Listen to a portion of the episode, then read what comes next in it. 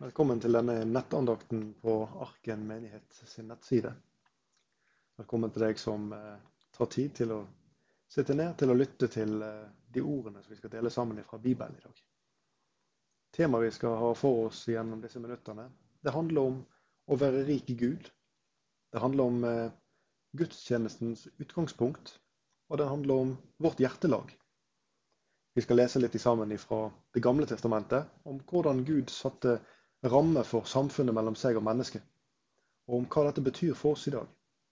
Før vi leser litt sammen fra andre Mosebok først, så skal vi be sammen. Herre Jesus, takk for at du vil åpenbare ordet ditt for oss. Og det ber jeg om nå, Herre. At du må kaste lys, her over de ordene som vi skal dele, slik at vi kan forstå det, trykke det til vårt hjerte, Herre, og at vi gjennom det vi forstår her, kan få oppleve å ha et rikt samfunn. Kanskje et rikere samfunn med deg vi ber om det, her i ditt navn. Velsignende stunder for oss i ditt navn. Amen. Vi skal lese sammen fra Andre Mosebok, og vi skal lese i kapittel 25. Og vi leser der versene 1-9. Herren talte til Moses og sa:" Si til Israels barn at de skal komme med en gave til meg. Fra hver mann som har hjertelag til det, skal dere ta imot gaven til meg. Og dette er den gaven dere skal ta imot av dem, gull og sølv og kobber, og blå og purpurrød og karmosinrød ull, og fint lin og geitehår, og rødfargede værskinn og takasjskinn og askasietre. Olje til lysestaken, krydder til salvingsoljen og til den velluktende røkelsen. Onykssteiner og andre edelsteiner til å sette på efoden og brystduken. La dem bygge en helligdom for meg, og jeg vil bo midt iblant dem. Tabernaklet og alt som hører til det, skal dere i alle måter lage etter det bildet jeg vil vise deg. Disse ordene de talte Gud til Moses. Og Vi legger merke til at gudstjenestens utgangspunkt her, det er nettopp samfunn med Herren. Og så synes jeg at vi skal legge merke til at det er ikke mennesket som søker Gud, det er motsatt. Gud søker mennesket. Han søkte oss. Og Merk deg òg at Herren han ønsker fellesskap med mennesket. Og det til tross for menneskets falne natur og den synd som mennesket hadde begått imot Gud. Og at Gud sjøl setter rammen for hvordan dette fellesskapet skal være. Gud han talte med Moses om gave til tabernaklet. Han talte om disse redskapene som de skulle bruke, og materialene som skulle gå med. Gud han hadde jo skapt alt. Så en kan undre hvorfor spør Gud etter gaver? Hva er hensikten med gaver? Vi leser igjen eh, det andre verset i 2. Mosebok 25. Si til Israels barn at de skal komme med en gave til meg. Fra hver mann som har hjertelag til det, skal dere ta imot gaven til meg. Hjertelag leste vi. Denne gaven som skal gis til dette arbeidet på tabernaklet, til redskapene og alt utstyret som skulle bli brukt her, denne gaven, den har utgangspunkt i vilje. Og den har utgangspunkt i enkeltmenneskets knytning til rikdom. Bibelen har mange eksempler på dette. I Matteus 19,21 eh, så leser vi om en ung mann som finner dette veldig vanskelig og skille seg ad med rikdom for å følge Jesus. Og I Matteus som sagt 19 og vers 21 så leser vi Jesus hva han sier til denne unge mannen. Jesus sa til ham, Vil du være fullkommen? Da gå og selg det du eier, og gi det til de fattige. Så skal du få en skatt i himmelen. Kom så og følg meg. Vi leser om en annen mann som hadde fokus på sin rikdom, og som hadde satt sin tillit til den rikdommen som hadde opparbeidet seg. Vi leser i Lukas 12, og versene 18-19. Og denne mannen, han sa til seg sjøl, dette vil jeg gjøre. Jeg vil rive ned låvebygningene mine og bygge større. Der vil jeg samle hele min avling og mitt gods. Så vil jeg si til min sjel, sjel, du har mye godt liggende for mange år. Slå deg til ro, et, drikk og vær glad. Balansen mellom denne verdens rikdom og åndelig rikdom, den er vanskelig. Og balansepunktet ja, det synes faktisk å endres med hjertelaget. Denne unge, rike mannen som eh, Jesus møter, han kan ikke skille seg ad med rikdommen som han har. Prisen for et gudsliv den ble for høy for denne mannen. Mannen vi leste om med disse låvebygningene, ja, han har satt sin lit til den rikdommen som han har her i tiden. Og han glemmer livets virkelige perspektiv. Når Jesus møter Sakkeus, så forteller Bibelen oss hvordan hjertelaget, hvordan verdisynet, kan bli forandra ja, på et øyeblikk. I Lukas 19 der skal vi lese versene 5-6, og så det åttende verset. Da Jesus kom til stedet, så han opp og sa til ham, Sakkeus, skynd deg å komme ned, for i dag må jeg bli i ditt hus. Han skyndte seg da og steg ned og tok imot ham med glede. Dette er Jesus som kommer til dette treet hvor Sakkeus har klatret opp. Som stopper opp og ber Sakkeus kom ned. Og så sier han disse underlige ordene. For i dag må jeg bli i ditt hus. Og Sakkeus skynder seg ned, leste vi og han tok imot Jesus med glede. Litt senere i vers 8 så leser vi om det som skjer i Sakkeus' hjerte. Sakkeus var en rik mann i sin samtid. Han var toller. Åpenbart en toller med dårlig samvittighet, som hadde tatt mer ifra folk enn det han skulle. Etter møtet med Jesus så skjer det noe i Sakkeus' hjerte. Vers 8. Men Sakkeus sto fram og sa til Herren, Se, Herre, Halvdelen av det jeg eier, gir jeg til de fattige. Og har jeg presset penger av noen, skal jeg gi det firdobbelt igjen. Det er dette verdiperspektivet som utfordres når det gjelder gaven til tabernakelet og til redskapene, som vi leste om i andre Mosebok. Og det er dette verdiperspektivet som fortsatt blir utfordra i oss mennesker når det gjelder gudstjenesten og vårt forhold til den. Det folket som vi leser om i 2. Mosebok 25, at de hadde akkurat blitt fri fra 400 år med slaveri i Egypt. De hadde vandra ut, og du kjenner fortellingen om alle plagene, om vandringen gjennom Rødehavet. Og de kom opp på den andre siden, da det var ørkenland. Ja, de var i ørkenen. Hvilke gave skulle dette folket gi? Moses han spør på Guds vegne, og vi leser igjen andre Mosebok 25 og versene 3-7 om denne gaven, hva den skal inneholde. Og dette er den gaven dere skal ta imot av dem, gull og sølv og kobber, og blå og purpurrød og karmosinrød ull, og fint lin og geitehår, og rødfargede værskinn og takasjin og akasietre, olje til lysestaken, krydder til salvingsoljen. Og til den velluktende røkelsen, onykssteiner og andre edelsteiner til å sette på efoden og brystduken. Er det en urimelig gave Gud ber om? Til dette folket som befinner seg i ørken, til dette folket som nettopp har blitt frigitt etter 400 år med slaveri, fangenskap, i fattigdom. Hva hadde de å gi? Jo, Bibelen lærer oss noe om dette. I Første Mosebok kapittel 15 og versene 13-14. Der leser vi om når Gud talte med Abraham.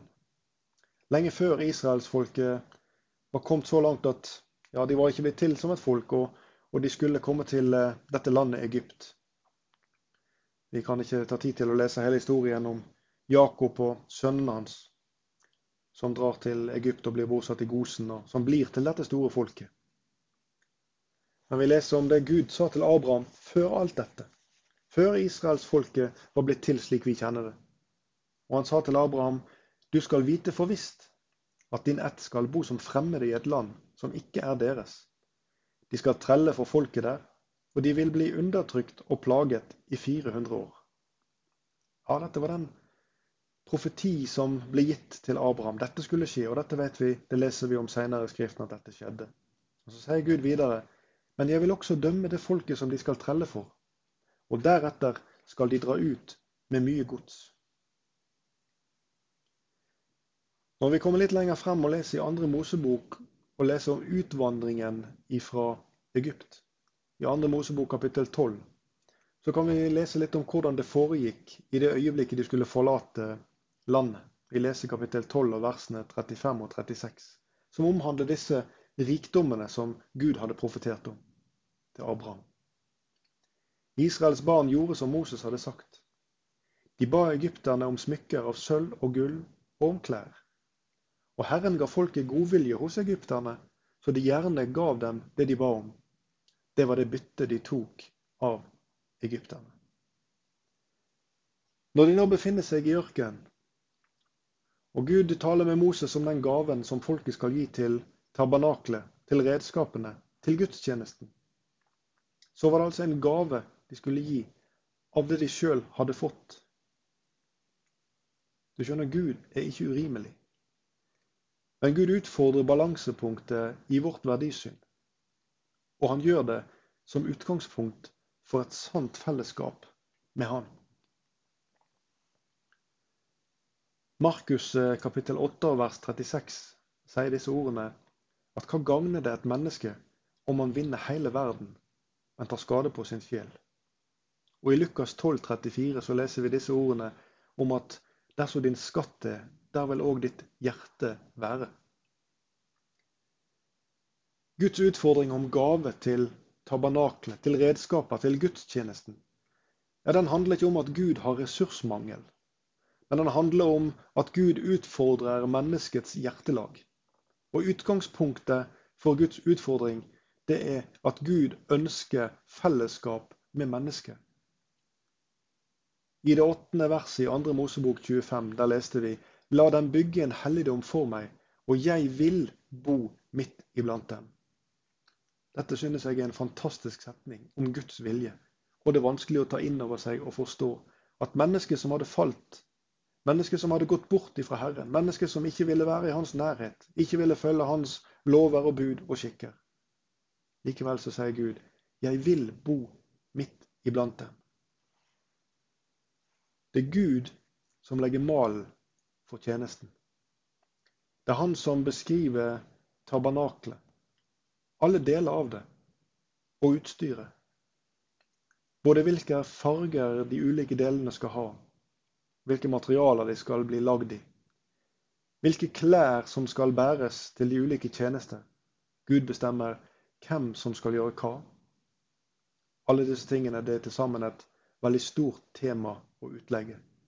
Men eh, billedlig, alt dette er billedlig for den nye pakt. Og for selve himmelen og det finnes veldig sterke paralleller til eh, det vi kan lese om i andre Mosebok omkring tabernaklet, når vi leser i Hebreerbrevet i Det nye testamentet. Du, dette folkets deltakelse i forhold til å få reist opp tabernaklet, i forhold til å få på plass det utstyret og det som trenges Folkets deltakelse i gudstjenesten, den stanser ikke her, ved denne gaven. Dette stadige fellesskapet som de skal ha med Herren Gud, det har en forpliktelse ved seg.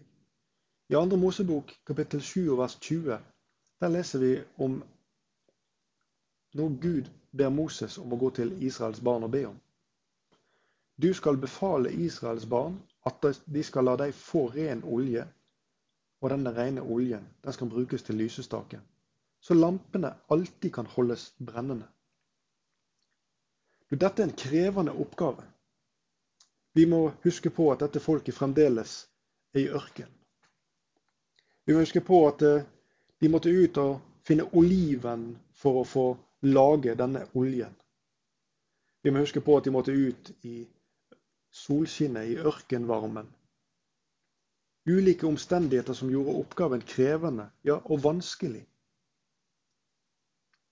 Her kreves vilje, innsats, oppofring tabernaklet og disse gjenstandene til det, de blir òg laga og utsmykka av, av, kunstnere. Og Gud ja, han utruster mennesker til praktisk tjeneste. Det gjorde han før, og det gjør han fremdeles. Et godt eksempel kan vi lese om dette temaet her i 2. Mosebok kapittel 35. Og Vi skal lese vers 30 til 35. Og Moses sa til Israels barn, Se Herren har kalt Besalel, sønn av Uri, hursønn av Judas stamme. Han har fylt ham med Guds ånd, med visdom, med forstand og med kunnskap og med dyktighet til all slags arbeid, og til å tenke ut kunstverker, til å arbeide i gull og i sølv og i kobber, og til å slipe steiner til innfatning og skjære ut i tre, til å utføre alle slags kunstverker. Og Herren har også gitt ham evne til å lære andre, og det har han også gitt til Oholiab, Akisamaks sønn av Dans stamme. Du vi finne at Gud ønsker fellesskap med mennesket. Og vi finner at det er Gud som oppretter pakten, den gamle pakt, slik vi leser om her, for at det skal være mulig å ha dette fellesskapet. Denne gaven som vi har lest om, som folket skulle bringe, ja, den handler om hjertelag. Den handler om verdisyn. Den handler om å dele. Oljen Ja, Gud kunne i sannhet ha sørga for olje sjøl. Vi leser i Bibelen om det som foregikk i Sarepta. Om denne krukka som aldri slutter å renne. Ja, Gud kan skape olje. Men oppgaven med å skaffe olje, den knytter folket til gudstjenesten. Viljen til å utføre alle disse delene. Til å lage gjenstandene. Til å lage oljen. Ja, til å bruke naturgavene som Gud hadde gitt. Ja, de hører også med til gudstjenesten. Så hvor bringer alt dette oss hen? Hva kan vi lære av de bildene vi har lest og hørt om dette nå? For det første verdisynet. Det handler om å først søke Herren. Det handler om å gi slipp at ikke noe kommer i veien mellom deg og Gud. Matteus 6, 33, det lyder slik. Søk da først Guds rike og hans rettferdighet, så skal dere få alt dette i tillegg. Så altså, søk først Guds rike og hans rettferdighet. Det er nummer én i livet. Det er nummer én i forhold til å leve rett og ha et evig håp og ha plass i himmelen hos Gud og søke først Guds rike og hans rettferdighet. Og denne rettferdigheten, den oppnås ved tro alene, ikke ved offer. Du eller jeg kan ikke bringe et offer eller en tjeneste eller gjøre en gjerning som på noen måte skulle gi oss Guds rettferdighet. Efeserbrevet kapittel 2 og vers 8-9 det lærer oss dette. Av nåde er dere frelst ved tro. Og dette er ikke av dere selv, det er Guds gave. Det er ikke av gjerninger for at ikke noen skal rose seg. For det andre oppgavene som Gud gir til folket som vi har lest om i andre Mosebok. Og det folket som i dag lever i troen på Jesus. De oppgavene som ligger her, de handler om bevarelse. For deg sjøl og for andre. I et kontinuerlig fellesskap med Gud. Men òg denne delen berører hjertelaget. Dine og mine prioriteringer. Gavene handler òg om dette. Vi ser Sakkeus endre det hjertelag når han møter Jesus. Sakkeus fikk et helt nytt verdisyn. Det som før hadde vært så viktig for han, det ble mindre viktig. Og samfunnet med Jesus, det fikk plass nummer én. Og for det tredje Gud har strukket ut sin nådes hånd til mennesket. Og Gud inviterer til samfunn med seg. Og i den nye pakt ja, så er det han sjøl som bærer fram offeret for synd. Et kjent bibelvers for veldig mange. Du kan det kanskje utenat. Johannes kapittel 3 og vers 16. For så har Gud elsket verden, at han gav sin sønn den enbårne, for at hver den som tror på ham, ikke skal fortapes, men ha evig liv. Du, det er du som tar imot her. Du er i mottakerenden av dette. Og det er Gud som gir. For det er Gud som elsker verden.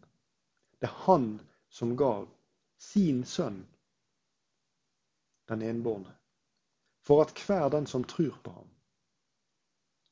ikke avhengig av gjerning, ikke avhengig av egenskaper, men hver den som tror på ham, ikke skal fortapes, men ha evig liv.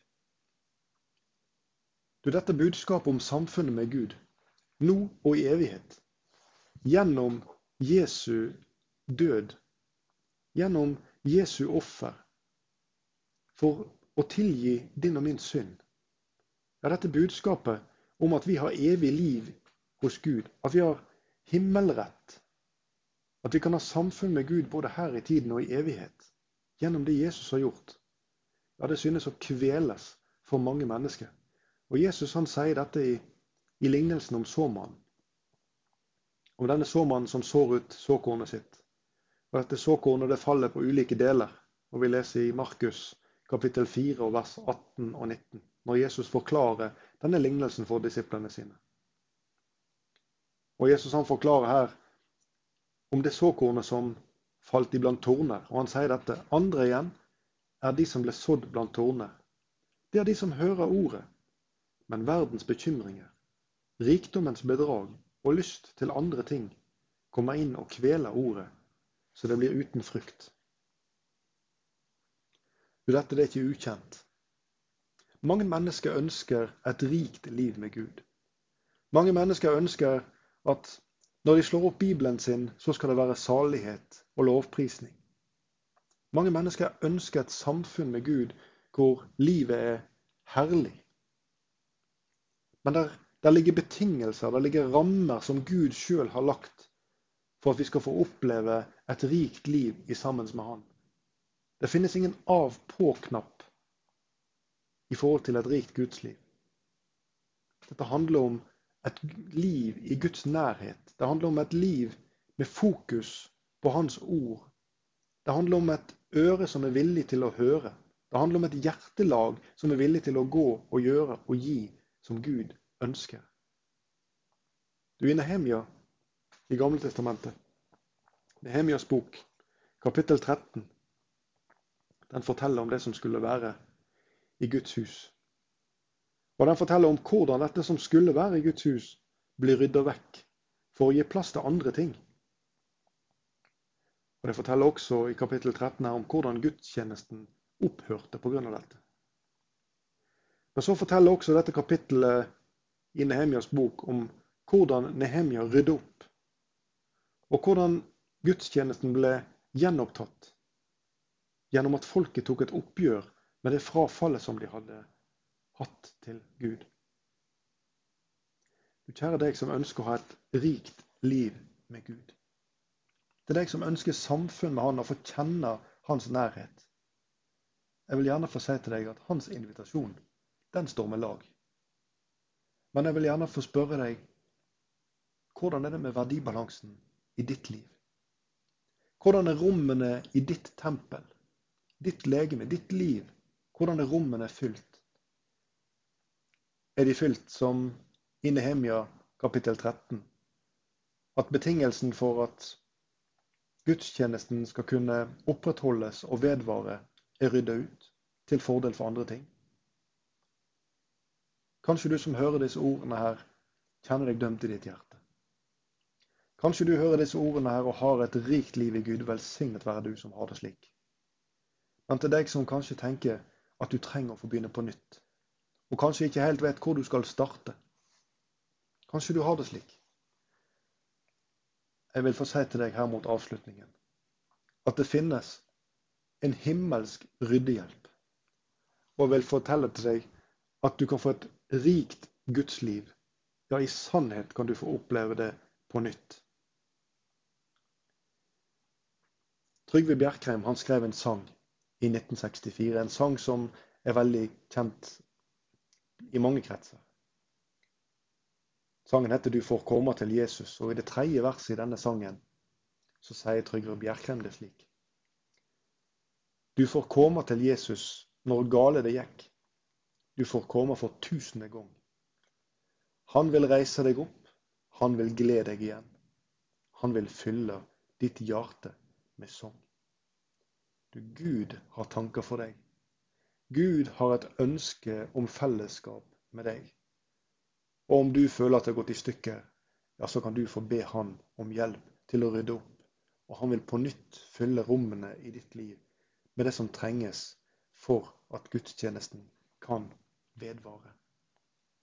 Vi skal be sammen mot slutten her. Kjære Jesus. Vi ønsker fellesskap med deg. Og vi ønsker det, Herre Jesus, til tross for at vi ikke klarer å leve sånn som vi burde. Du kjenner våre hjerter, Herre, og du vet om alle våre feil og mangler. Og likevel, Herre, så sier du i ditt ord at du elsker oss.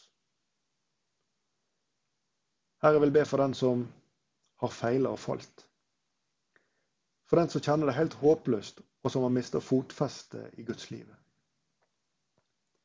Takk, Herre, at ditt løfte om gjenoppreisning, om tilgivelse, det står fast. Takk, Herre, at du løser mennesket i dag, og du gir en ny begynnelse til den som ber deg om det, Herre. Vi kommer framfor deg nå, Jesus, og vi ber deg, Herre. Forny i oss, Herre Jesus, gleden over frelsen, over din nåde, og gi oss du det rette hjertelag, Jesus, for din sak, sånn at vi bedre kan tjene deg. Amen.